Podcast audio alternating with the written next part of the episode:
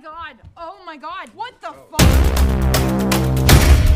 Halo Sobat Masker, kali ini saya akan merangkum sebuah film yang menceritakan suatu perasaan yang sangat sensitif dan biasanya dialami oleh manusia berusia 17 tahun. Usia-usia nanggung gitu, dewasa belum remaja udah kelewat. Buat kalian yang pernah melewati usia 17 tahun, pasti pernah punya teman atau bahkan kalian sendiri yang selalu punya pikiran mudah banget kacau Dan juga selalu merasa sial. Jadi mungkin film ini akan sedikit relate dengan kejadian tersebut Sebelum saya bercerita tentang film The Age of Seventeen ini, mari kita matikan lampu teaternya.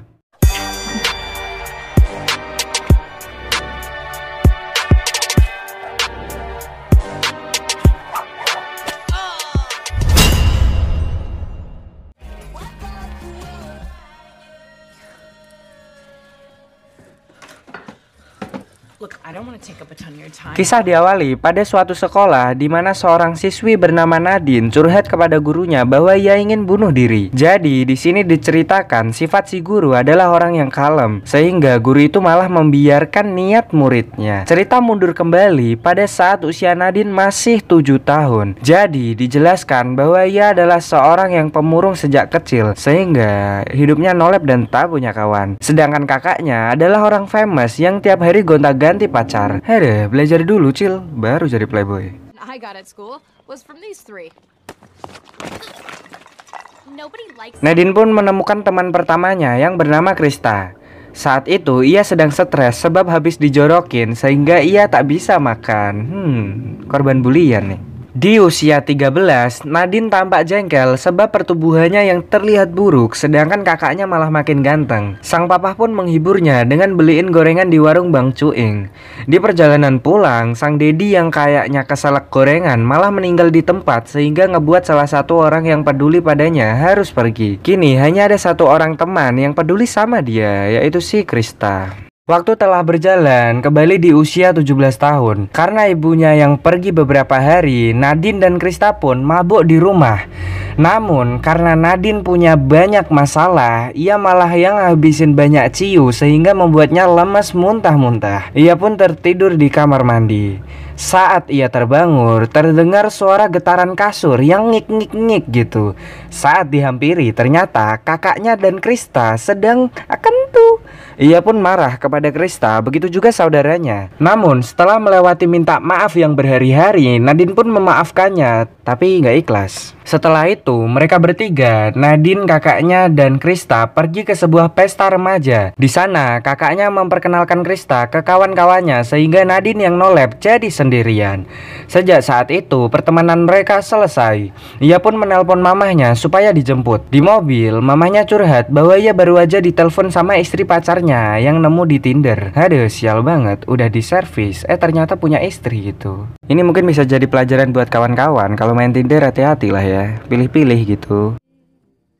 Di kamar, Nadine sedang stalking cowok keren. Yang padahal cowok itu gak suka sama Nadine. Namun karena cowok impiannya tersebut terlalu wah Nadine tak berani mengontaknya Ia pun menelpon teman Asia bernama Erwin. Mereka pun jalan-jalan di pasar malam bersama. Kasihan lu si Erwin cuma buat pelarian Makin kasihan lagi saat Erwin kepedean dikira ini adalah sebuah kencan Ketika tiba-tiba Erwin menyosor Nadine di atas biang lala. Karena ia merasa bersalah sebab timing nyosor yang gak benar Ia malah salah tingkah dengan minta mamang-mamang pasar malam menghentikan biang lalanya.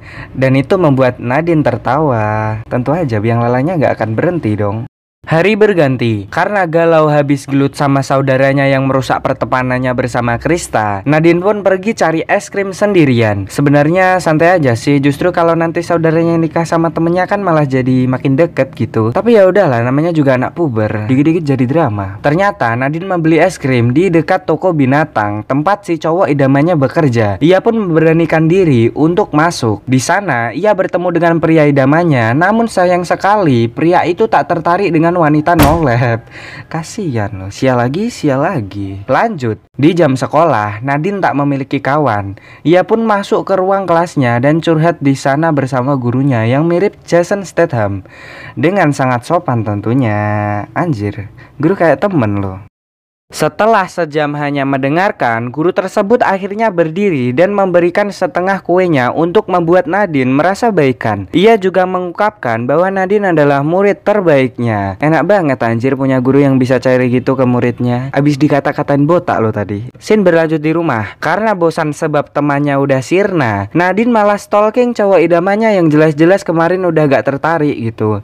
Nadine pun menelpon cowok pelariannya lagi, yaitu si Erwin. Ia berencana datang ke rumah Erwin untuk berenang. Saya khawatir banyak si Erwin orang Indo. Bisa-bisanya namanya sama kayak temen sepak bola aku loh, Erwin gitu. Indonesia banget nggak tuh?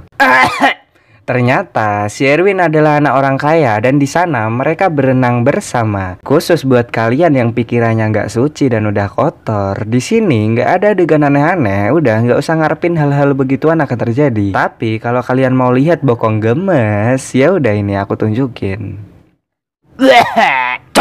Setelah berenang, Erwin menunjukkan animasi-animasi buatannya di dalam rumah. Ia juga mengundang Nadine untuk menyaksikan filmnya yang akan tayang pada sebuah festival film beberapa hari lagi. Hari berganti, saat Nadine diantar oleh mamanya ke sekolah, ia melihat Krista udah punya geng cewek di sekolahan. Nadine yang kecewa pun memutuskan gak masuk sekolah dan ikut mamanya ke kantor. Maunya apa sih nih bocah? Di kantor mamahnya, Nadine malah gangguin si mama yang lagi kerja sehingga membuat membuat wanita tua itu kesal sampai berkata, ayahmu pasti akan kecewa dengan dirimu yang sekarang. Jelep Nadine yang baperan pun mengambil kunci mobil si mama dan membawa mobilnya pergi dengan penuh amarah menuju tempat sepi, yaitu Playground TK Sukabudi, yang murid-muridnya lagi pergi piknik. Karena jiwanya sedang penuh kegundahan, ia pun melampiaskan kekesalannya dengan mengetik sesuatu di chatroom Facebook si cowok idamannya. Karena ia tahu tulisan tersebut sangat ngaco, ia pun berniat menghapusnya, namun malah kepencet kirim pesan.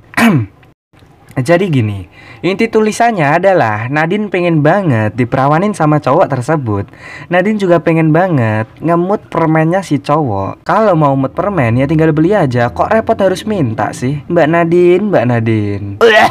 Alur pun kembali sama seperti saat di awal film. Setelah itu, ia pergi dari TK Sukabudi menuju sekolahnya dan menghampiri gurunya yang kayak Jason Statham. Nadine bilang bahwa ia ingin bunuh diri, persis seperti di awal film. Guru itu malah dengan tenang mempersilahkan. Ditambah lagi, pria tua itu malah menakut-nakuti Nadine dengan berkata bahwa ada yang namanya pesan terusan gitu. Keberanian Nadine untuk bunuh diri pun ciut. Gurunya memberi saran untuk tenang dengan makan es krim. Namun, karena uang saku Nadine Nadine ketinggalan, ia malah minta uang sama gurunya.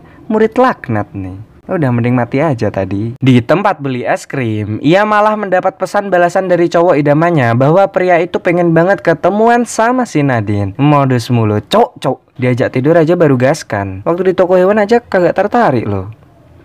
Nadine pulang lalu berdandan. Saat ibunya pulang kerja, ia malah dibuat geram melihat rumahnya yang berantakan sebab anaknya yang berbar saat dandan. Dengan terpaksa, kakaknya yang lagi kencan sama Krista pun harus pulang, bantuin beres-beres, terus nyariin Nadine, mau dimarahin. Hede, Nadine, Nadine, buat masalah terus. Di tempat lain, Nadine udah di mobil sama si cowok idamannya. Saat mendapat telepon dari sang kakak, Nadine tak mengangkatnya. Mereka pun berbagi liur di sana. Saat si cowok nurunin kursinya dan udah berposisi di atas tubuh Nadine, Nadine malah memberontak. Si cowok pun mutung.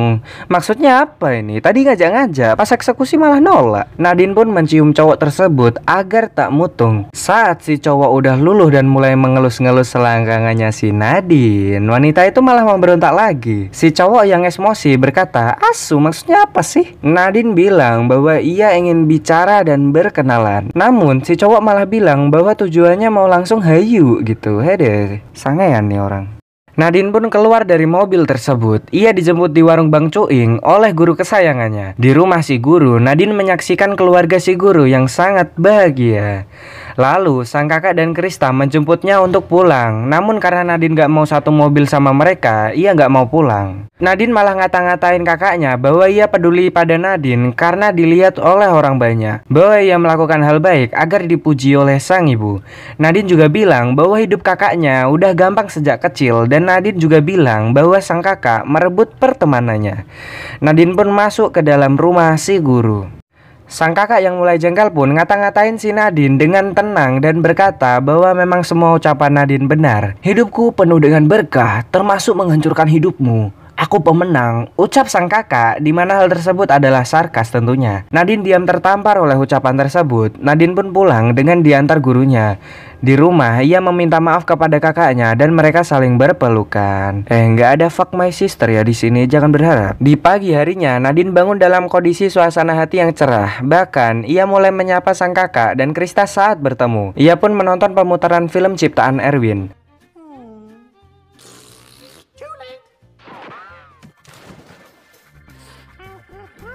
Mereka pun mulai dekat dan Erwin memperkenalkan Nadine kepada teman-temannya sehingga membuat kenolepan Nadine berakhir.